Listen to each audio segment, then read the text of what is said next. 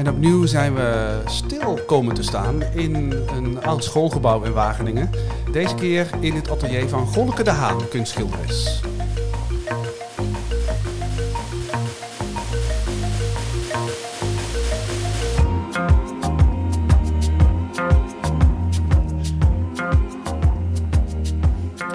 Dag Gonneke. Hier wordt wel gewerkt, dat kan je wel zien. ja, vind je? Ja, Oh ja, nou, ik, ik vind dat er zelf nogal weinig in staat. Maar eh, eh, ja, er staat werk van cursisten. Wat, eh, ja. oh, dit is niet van jou, wat we hier Nou, zien. dit is een oud werk van mij. Dat had ik van de week even meegenomen. Want ik dacht, oh, die ogen die, die storen mij. En ik wilde dat nog even corrigeren. Het werk was eigenlijk al lang af. Het is al tien jaar oud of zo. Maar ik dacht, het gezicht is toch niet helemaal goed. ik ga toch nog even veranderen. Over de vernislaag heen. Oh ja, dat- ik weet dus niks van, eh, van schilderkunst. Maar dat, dit schilderij hangt al tien jaar bij jou thuis. Of, en toen dacht Nou ja, het staat dan in Staat. ja. en ik, het is niet goed, het passen we gewoon aan. Eh, ja. ja, En soms... ja, Ziet je- de kenner dat dan? Als je daarnaar kijkt, zeg oh, die ogen zijn nieuw. Dat, nou ja, als mensen daar dagelijks naar zouden kijken, dan zouden ze het misschien wel eh, waarnemen. Maar sommige mensen die zien het, zien het überhaupt niet, hè, eh, als iets niet klopt. Ik merk wel dat als ik 15 jaar geleden naar een schilderij keek, eh, vond ik er wat anders van dan wanneer ik er nu naar kijk. Ook mijn eigen werk zie ik dus nu acuut allemaal fouten in. Maar dat is omdat je zelf groeit, toch? Ja, ja. Maar dat heeft dus ook te maken met eh, waar de kijker staat. eh, hoe, ja, wat de kijker gewend is en hoe goed een kijker kan We waarnemen. duiken via de schilderij echt meteen alweer de diepte in. Terwijl ik dacht, we beginnen eerst Oh, met een rustige introductie. We zitten hier in... eh, ik was hier eerder bij Erik Langendoen van de. Waterlanders. Ja. Kun je iets vertellen over de plek? Want dat geeft misschien ook iets meer duidelijkheid over mooie achtergrondgeluidje dat we af en toe hebben. ja dit, we zitten hier in een oud schoolgebouwtje. Eh, volgens mij is dit een van de eerste gebouwen geweest van de vrije school zelfs. Als ik naar de tuin kijk, dan, Zou dat ja, kunnen? dan denk ik ja. Ja, maar volgens mij is die tuin niet meer van de vrije Nee, school. maar zo van die rondjes en Ja, van die ja, dat is wel vrij schoolachtig. En, ja. Ja. dat is vrij school. Maar ik weet niet of dat nog van de vrije school was. Want daarna heeft er ook nog een crash en zo in gezeten. En, en nu ehm, is Erik volgens mij de hoofdhuurder, de Waterlanders. En die huren dit van de gemeente. En dit- zij kunnen daar ook een aantal andere makers en kunstenaars ruimte geven. En ze vroegen mij, yeah! En jij zei ja. Nou, ik had precies ruimte nodig, want ik was verhuisd. En eerst gaf ik, ehm, hoe heet dat? De lessen gaf ik gewoon thuis in een groot atelier. Ja, want je schildert, maar je geeft ook schilderlessen. Ja, ik geef schilderlessen. Ja, nu is dat allemaal een beetje lastig met de corona. Nu gaat dat, mag je geen groepen draaien. Maar ehm, ik geef schilderlessen en ja, daar moet je wel ruimte voor hebben. Want in je eigen atelier passen niet zomaar eh, zes, acht of tien mensen. Nou, met allemaal ik, ezels. nou snap ik ook deze plek. Het is best wel leeg. Ik zie meerdere eh eh, schildersezels. Maar dat is natuurlijk omdat het je lesplek is. Ja, en je kan het niet helemaal volbouwen. Want je, als je aan het schilderen bent, is het heel belangrijk om afstand te nemen. Om van een afstandje naar je werk te kijken. Want dan, anders dan verdiep je er helemaal in en dan staar je blind op dingen. En dan zie je helemaal niet meer dat er eigenlijk iets niet klopt wat je aan het doen bent. Dus ik, roep heel vaak, ah, even naar achteren. even afstand nemen. En soms moet je ook, zei je net, 15 jaar afstand nemen. En dan, dan Ja. zie je het pas. ja. hey, eh 15 jaar terug. Ik pak het nog verder terug. Mhm. Je bent kunstschilderes en je bent ook nog meer. Daar gaan we het ook nog over hebben. Wanneer begint zoiets? Nou, het is wel grappig. Mijn hele omgeving die zag het al in me, maar ik, ik weiger het te accepteren. Dus ehm, als kind werd er altijd al tegen mij gezegd: Goh, goh, wat kan jij goed tekenen? Ik weet nog dat ik in de tweede klas van de lagere school zat bij juf Elle Wijnand. en juf Elle Wijnand was ook stewardess bij de KLM. Dus ik was heel erg gek op juffrouw Elle. En juffrouw Elle die eh, vond ook dat ik heel mooi kon tekenen voor mijn leeftijd. Maar zij pakte dan mijn tekenwerk, want ze was erg onder indruk. En liep ze de klas uit en dan ging ze naar andere meesters en juffen in andere lokalen om te laten zien wat ik gemaakt had. Dus ik voelde me wel heel vereerd. maar zij was echt helemaal zo van, moet je kijken wat. Dus eh, Maar je vond het dus wel leuk. Ik vond, eh, ja, ik vond het heel erg leuk om te tekenen. En ik heb ook te- tekenen in mijn eindexamenpakket gekozen. En ik heb zelfs nog een keer een jaar een tien op mijn rapport gehad voor tekenen. Dus het, het, ja, het, het was niet zo dat ik het niet kon. Het zit er dus wel al vanaf het begin in. En dat werd ook gestimuleerd door je omgeving. Ehm, ja, maar dus op een of andere manier niet door mezelf. Want eh, toen ik klaar was met de middelbare school, toen wist ik helemaal niet goed wat ik wilde doen. En toen had ik op een of andere manier het gekke idee dat ik gewoon een baan moest gaan eh, zorgen dat ik een studie deed waarmee ik een hele goed betaalde baan kon krijgen.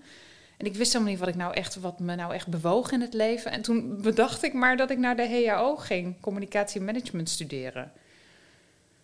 Nou, daar was ik hartstikke- Waarom? Ja, Waren je ouders daar heel blij mee? Nee, helemaal niet. Die waren ook. Nou ja, die, die, die pushten mij helemaal nergens toe. Dus je ouders vonden het prima als je had gezegd kunstacademie. Ja, dat hadden ze prima gevonden. Maar ik, heb, ja, maar ik heb mezelf, eh, dat is kennelijk. eh, Oké, dus je hebt nog een, een lichte dwaling gemaakt. Heb je afgemaakt, die HAO? nee, want ik werd doodongelukkig.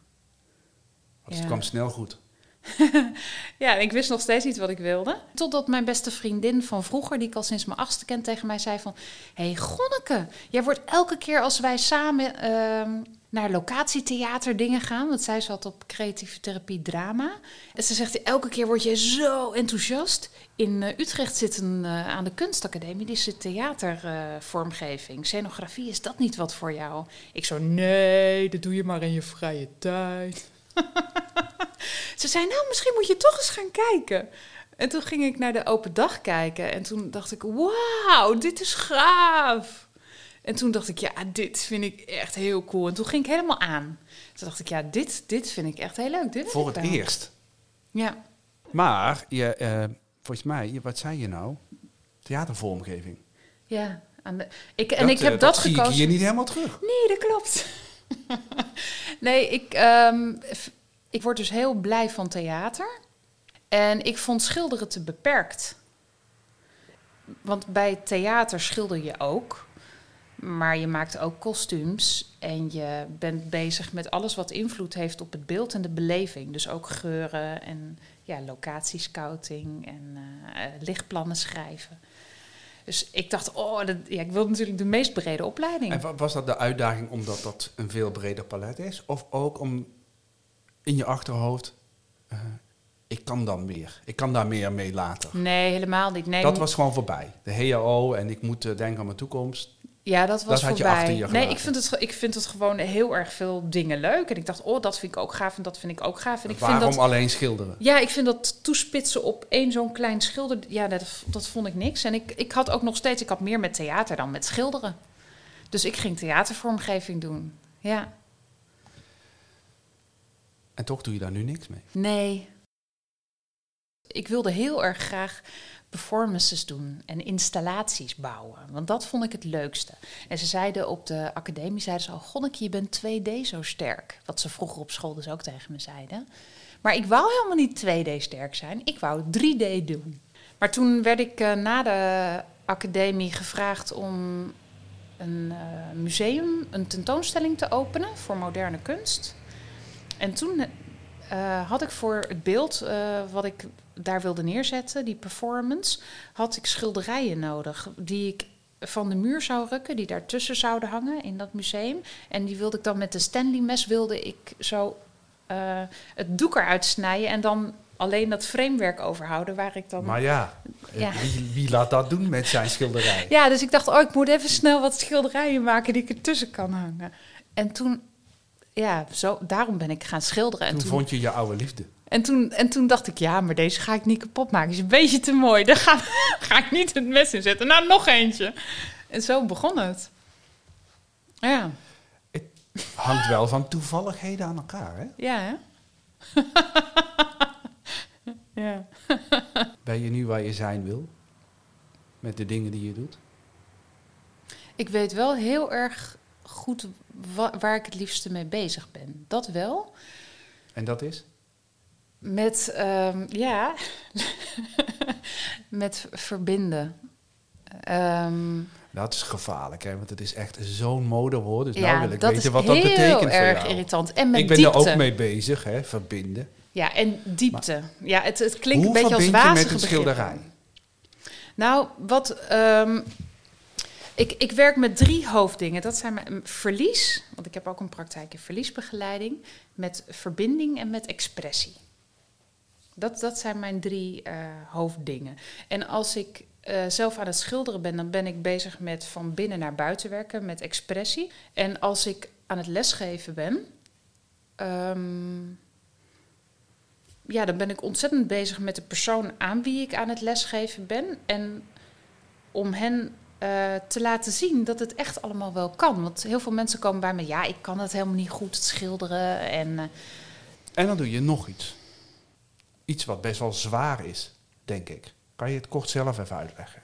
Het uh, begeleiden van verlies. Ja. ja, ik heb een praktijk in verliesbegeleiding en training. Dus ik begeleid mensen individueel, maar ook hun gezin of hun familie als, als ze dat willen.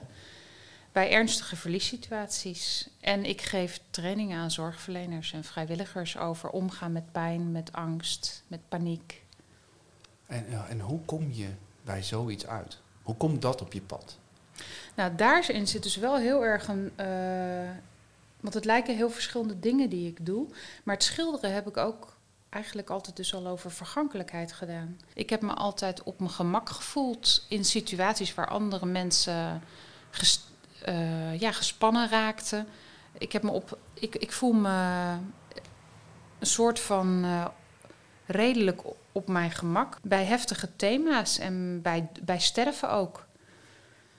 Ik ben vanaf ukkepuk af aan ben ik op zoek geweest naar diepte in het leven. En die verliesproces, dat is echt waar het over gaat. Hè? Je komt zo tot de essentie van wat leven is. Gek eigenlijk, hè? dat dat dan pas gebeurt voor veel mensen op het moment dat. Nou, dan besef je pas wat het waard is. Ophoudt. Dan besef je pas, oké, maar als ik nu, ja, ga maar bij jezelf na. Als ik nu tegen jou zeg, je hebt nog maar een jaar te leven. Uh, en het is echt zo. Doe je dan nog steeds alle dingen die je nu. Je gaat gewoon gelijk een schifting maken van wat is belangrijk en wat is minder belangrijk. Als je gewoon nog maar een beperkte tijd hebt, ga je echt bedenken van nou, wat wil ik echt doen? Wat, wat, ja, waarom dus, kunnen we dat niet nu al doen? Dus zeg maar deze richting, dat verliesbeleid, dat klinkt eigenlijk wel als een minder als iets wat op je pad is gekomen, maar waar je wel bewust voor hebt gekozen. Naar aanleiding van alles wat je in je eigen leven hebt meegemaakt. Mm, nou, het zat er al heel erg jong in. Um, maar ik was natuurlijk de kant van de kunst opgegaan. En um, pas toen ik vastliep in de kunst, namelijk doordat ik uh, ook uh, moeder uh, was geworden. ik had met mijn partner net mijn tweede kind gekregen en ik wilde heel erg graag verder in die kunst. toen had ik meegedaan met Sterren op het Doek. En toen ging het ineens lopen. Toen kreeg ik allemaal aanbiedingen en zo. en toen was het van ja, ja, dat kan dus nu niet, want ik had net een baby, een tweede. Dus ik kon helemaal, ik kreeg allerlei hele gekke aanbiedingen. En ik, ja, dat kon gewoon niet. En dat was heel frustrerend, want ik had het idee van nu krijg ik mijn doorbraak. En nou zit ik vast.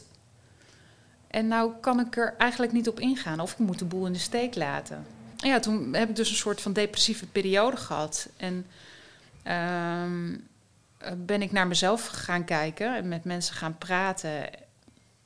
En uh, heb ik eigenlijk meer mijn onderbewuste laten spreken. En toen kwam er acuut uit dat ik iets met uh, verlies- en stervensbegeleiding wilde doen. En waar dat vandaan kwam, wist ik helemaal niet zo goed. Inmiddels wel. Maar nu begrijp ik het. Dat het, het dacht van, oh ja, maar dat had ik gewoon uh, een beetje naar de achtergrond geschoven. Ik stel mijzelf wel die vraag van, goh, wat, wat doe ik als ik nog maar uh, één jaar of drie jaar te leven heb? En als ik dan moet kiezen tussen kunst en verlies, dan kies ik toch verlies. Ook al zou ik niet zonder kunst willen leven. Ik vind het fantastisch om uh, zelf te schilderen en om, met, om er lessen in te geven. Ik geef ook vaklessen aan mensen die dement zijn. Creatieve schilderlessen en zo. En dat is ook zo bijzonder. Want je kunt op cognitief vlak niet meer goed uh, pingpongen met ze. Maar uh, op creatief vlak gebeuren er soms nog hele bijzondere, bijzondere dingen. En ook dat er dan ineens dat je een juweeltje van een gesprek hebt door iets wat ze aan het doen zijn. Terwijl ze eigenlijk niet meer goed een chronologisch verhaal kunnen vertellen. Dat hebben we dan gemeen. ik zeg soms ook wel eens dat het wel besmettelijk lijkt, die dementie. Dat grap ik daar dan. Omdat ik ook, uh, dan loop ik naar een kast toe en dan zeg ik, oh, wat ging ik nou pakken? ik zeg, oh, ik moet wel opletten hier, het is wel een beetje besmettelijk. maar er gebeuren gewoon hele mooie, leuke dingen. Wat doet corona voor jou in je werk en in je leven? Nou, wat ik heel uh, lastig vind, is dat de groepen niet, uh, groepen niet door kunnen gaan. En je gaat ook niet uh, met een Zoom-meeting schilderen? Dat nee, is... jongen, ik ben geen Bob Ross, hè? nee, nee, nee. Nou, nu je dat noemt, ik dacht, nou, dat gaat helemaal niet. Maar ja, het kan dus wel. Ja, mensen hebben het wel...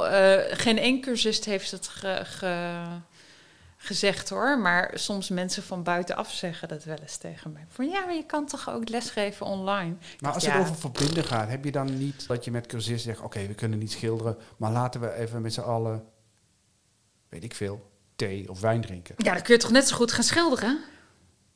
Het gaat erover dat je niet met, met z'n allen bij elkaar mag zijn. Nee, ik bedoel zo'n Zoom-meeting. En Zoom staat dan uh, synoniem voor uh, al die manieren waar je digitale verbinding kan uh, creëren. Dus dat je met je eigen wijntje achter je computer gaat zitten, bedoel je? Ja, ik heb dat al een paar keer gedaan. Oh ja, nee, maar nee. Moet je wel een beetje goed aanpakken. Ze hebben ook wel feestjes gehad, dat je ook wel de boel versiert en zo. En de dresscode. Nee. En dan, eh, als je vol overgave, dan kan dat toch? Ja, maar ik heb er zelf helemaal geen behoefte aan. En uh, wat ik ook om me heen hoor, is dat mensen al zoveel achter die laptop zitten of achter de computer, dat ze er gewoon echt helemaal, uh, echt helemaal ziek van worden. Mensen missen het echt ontzettend. Ja. En dat snap ik ook, ja. En voor veel mensen die zeggen ook, uh, ja, die lessen zijn toch een stok achter de deur. Dan doe ik het tenminste. Want er komt, als ik het in me, bij, bij mezelf thuis moet doen, komt er steeds wat anders tussen. Dat begin ik gewoon niet. Dat wil ik wel, maar het, het lukt me maar niet. Op zaterdag moet ik naar Gonneke. Dus ik ga. Ja. ja, En nu dus niet. Nee, dus dat is wel, ik, dat vind ik wel heel jammer met de corona. En uh, nou, het verlieswerk, uh, ook de trainingen, al die groepsdingen, die liggen gewoon stil. Dat is wel jammer. Maar het verlieswerk lijkt me, dat klinkt heel raar, maar dat is natuurlijk juist nu aan de hand voor veel mensen. Uh, ja, nou wat, wat nu vooral veel aan de hand is, is, is de eenzaamheid. De eenzaamheid. Dus ik ben daar zelf wat meer over aan het schrijven op het moment. Maar uh, wat nu met de corona ook is, bijvoorbeeld met de palliatieve zorg, met mensen die al ongeneeslijk ziek zijn. Uh, de mensen zijn toch heel bang voor hun immuunsysteem. En die, die doen zo weinig mogelijk afspraken hoor. Het klinkt heel naar om dat te zeggen, maar verliesbeleiding lijkt me juist booming. Ja. Maar wat je zegt is dat juist in deze gekke situatie. Mensen zeggen heel... mensen, we houden, dus jij, jij bent dan toch van buiten en je probeert de kring zo klein mogelijk te ja. houden. Maar dat hele proces speelt zich wel af in fysieke ontmoetingen. Ja, dat is de 80% van de communicatie is non-verbaal. En het gaat ook heel erg over nabijheid. Maar dan heb je dus niks te doen. nou, zo ervaar ik dat niet. Nou, ik ben uh, ontzettend veel aan het lezen en aan het verdiepen in, de, in onderwerpen. En over omgaan met angst, pijn en, en verdriet. Um, ja, daar leer ik zelf ook nog steeds ontzettend veel van. En ik, en ik lees er heel veel over. Ik luister allerlei uh, TED-talks. Um, ja, ik ben nu zelf aan het kijken of ik, uh, of ik nog weer iets van een studie uh, dan toch nog maar... Doe de, maar. Ja, het, ja waarschijnlijk wordt het een beetje te veel. Ja, en ik, en ik probeer dingen te, te schrijven. Eh, ik ben uh, afgelopen maanden bezig geweest met huidhonger.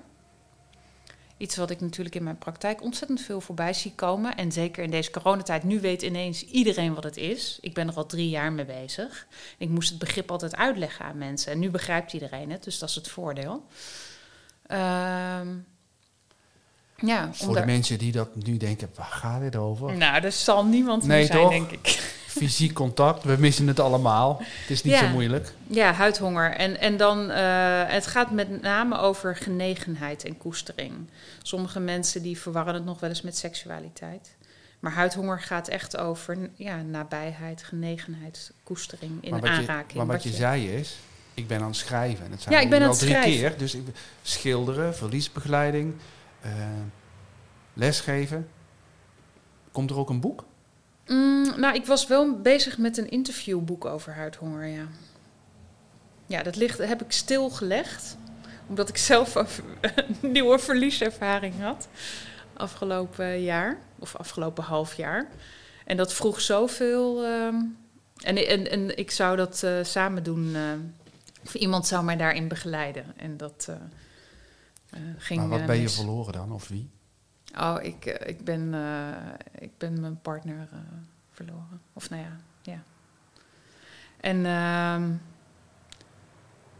Dus je had gewoon tijd voor jezelf nodig. Al die dingen die je voor anderen doet, moest je nu voor jezelf doen. ja, ik ging alles, alle dingen die ik braaf, alle oefeningen die ik braaf aan andere mensen geef, die, ging, of die ik aan andere mensen ging ik nu braaf zelf doen. Ja, En werkt het? ja. Ha, gelukkig. Het zou toch wel wat zijn dat je er nu achter komt dat het... Nee, het is heel goed. Dus ik, voel, ja, ik doe wat ik andere mensen ook aanraad. Heel erg. Ja, en ik schrijf normaal zelfzorgplannen met mensen. En dat, ja, dat doe ik nu allemaal Dat zelf. lijkt me heel raar.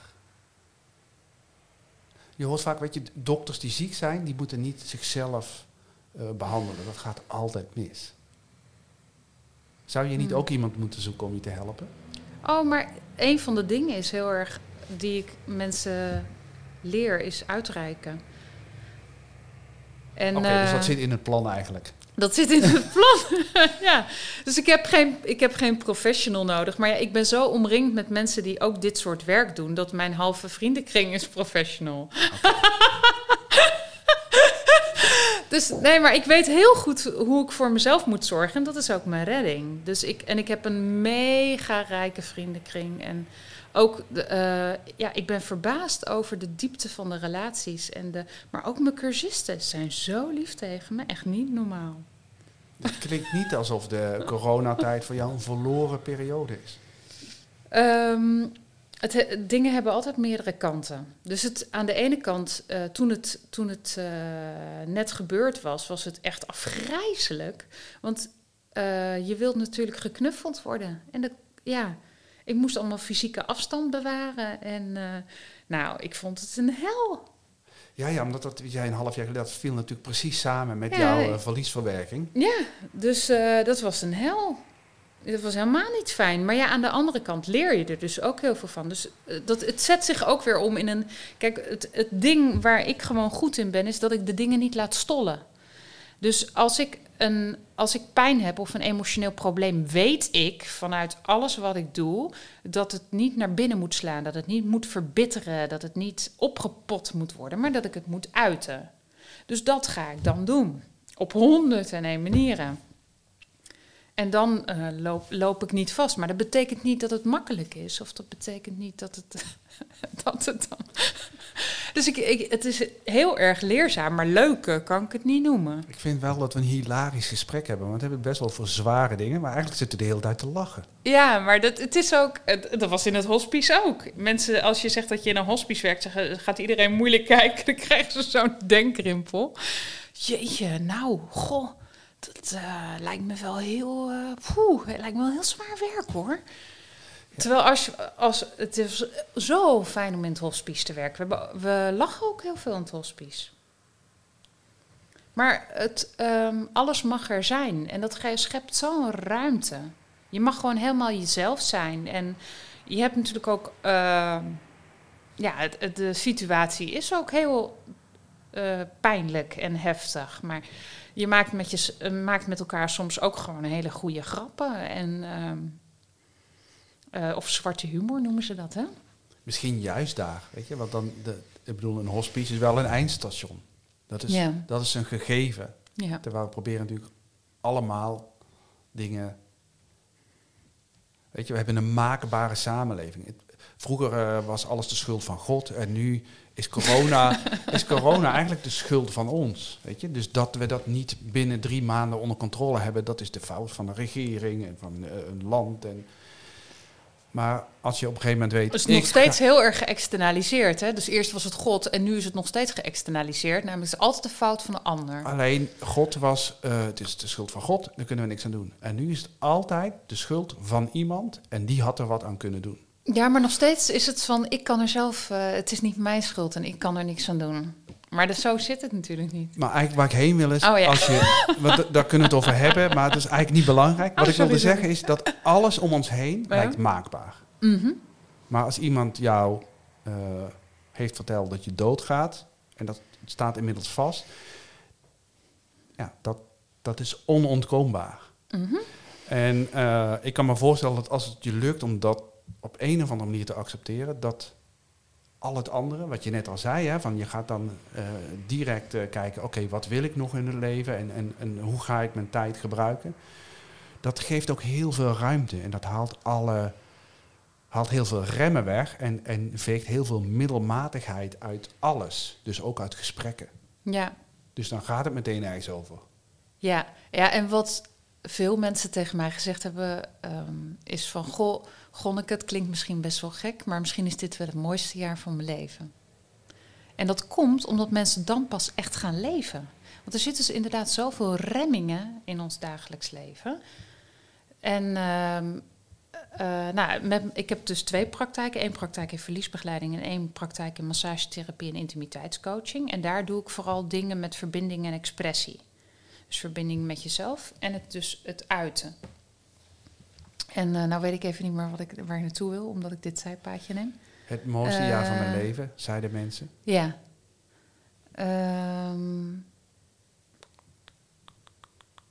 Oh ja, en dat ze, dat ze dus echt gaan leven. Oh ja, en dat wou ik zeggen. Dat ehm, hoe, er zijn echt heel veel mensen dat wanneer ze blij zijn, voelen ze een impuls, net als een klein kind van drie, om te gaan huppelen over straat. Of als ze net iets hebben gehoord, dan worden, voelen ze heel blij van binnenuit. Welt er een soort iets op, zo in je, in je buik. En dan word je heel vrolijk. En dan durven ze het niet helemaal te uiten. Want denken ze, ja, dat is toch een beetje gek als ik dat doe. Ik kan niet zomaar, ik ben, ik ben 50, ik kan toch niet op straat gaan lopen huppelen? Dat kan toch niet? dus ze houden zich in. En dat geldt voor dus de hele gave dingen, die je niet helemaal durft uiten, omdat je denkt van ja, dan ben ik toch een beetje gek. Maar het, het, het is ook voor de verdrietige dingen. Als mensen eh, zich heel verdrietig voelen, dan uiten ze. Hallo. Als, Dat was een soort huppelen eigenlijk, toch? ja. Eh, Sorry, ja, als mensen zich verdrietig voelen. Ja, als mensen zich verdrietig voelen, dan uiten, uiten sommige mensen uiten dat een beetje. Eh, ook eh, ma- veel mannen die ik tegenkom kunnen al huilen. Nou, hartstikke goed. maar op een gegeven moment dan denk je van, nou, nou, dan voelen ze nog wel huilen, maar dan denk ik, nou, van, ik, ik stop er maar mee, want anders gaan ze ook denken van, goh, heeft hij nou, eh, heeft hij of zij er nou nog last van? Ja, is nou, het nog niet over. geweest. Nou is het wel genoeg geweest. Nu kennen we het wel, weet je. En ehm, ik vind het ontzettend belangrijk om alles wat je voelt, dat het er mag zijn. En dat het eh, ook er in vol ornaat mag zijn. Want dan, dan schoont de boel lekker op. En dat is wel als je in zo'n eh, laatste levensfase zit, dan ja, al die, die eh, barricades die je hebt opgeworpen voor jezelf. Je krijgt gewoon een soort overmatige. Eh, je kan niet meer alle ballen hoog houden. Dus het hele kaartenwerk stort in één en je alles komt er gewoon uit. En dat is ehm, een, van, van de dingen die hartstikke goed is eigenlijk. Dus dan gaan mensen. Het, het, het, het, het kleurt eh, de ruimte, zeg maar. Dus mensen gaan dan ineens volle bak leven. Dus worden. Klinkt heel mooi, maar het klinkt ook heel tragisch. Ja, want dat betekent dus eigenlijk dat we hier Dat met z'n allen gewoon dood gedaan. zijn. Ja, maar moet je kijken hoeveel mensen niet echt leven. Dus in, in heel die Oosterse religie eh, wordt ook gezegd: je kunt pas leven als je weet hoe het is om te sterven. Nou, dat, dat, daar hebben ze echt heus wel over nagedacht, over die uitspraak. Weet jij hoe het is om te sterven? Nou, ik heb er natuurlijk wel eh, vaak bij gezeten. Ehm, en ik weet niet hoe het is om te sterven, omdat ik, ik probeer het me voor te stellen. En ik heb er vaak bij gezeten. En ik ken zelf ook wel ernstige verliesprocessen privé. Eh, maar het is toch anders als het echt het moment is. Dus je weet het volgens mij nooit helemaal precies. Dus ik probeer het me regelmatig voor te stellen hoe het is dat, ik te horen, dat, dat ik te horen krijg van... nou, Gonneke, het is mis met je. En eh, je hebt echt nog maar heel kort. Want je zei, ja, ik maak dus wel plannen Ja. eerder. Twee, Ja. drie jaar vooruit. ja, en ik heb ook mijn begrafenis al helemaal uitgeschreven. Ik heb filmpjes voor de kinderen gemaakt. heb ik allemaal al gedaan. Ik dacht altijd dat ik op mijn veertigste dood zou gaan. Dat gebeurde niet. maar ik had wel Nou alles je- voorbereid. Nou moet je dat allemaal weer gaan updaten. Nou heb je daar op zich heb gaan goed updaten. geleerd. Want eh, Ja. ik begrijp dat je dat uit je opleidingsproces ook hebt meegemaakt. Weet je, dat je dus in het theaterwezen eh, niet te vroeg moet beginnen. Nou, dat heb je weer gedaan. Eh, dus jij weet hoe je daarmee moet omgaan. Maar laat ik het anders zeggen. Durf jij te zeggen dat jou dat niet overkomt? Wat, wat mij Dat niet overkomt. Dat een- ik als enige dat mens ter wereld niet doodga. Nee, dat jij straks in een hospice zit en dat er iemand is zoals jij. En dat je tegen die persoon zegt, dit was het beste jaar in mijn leven.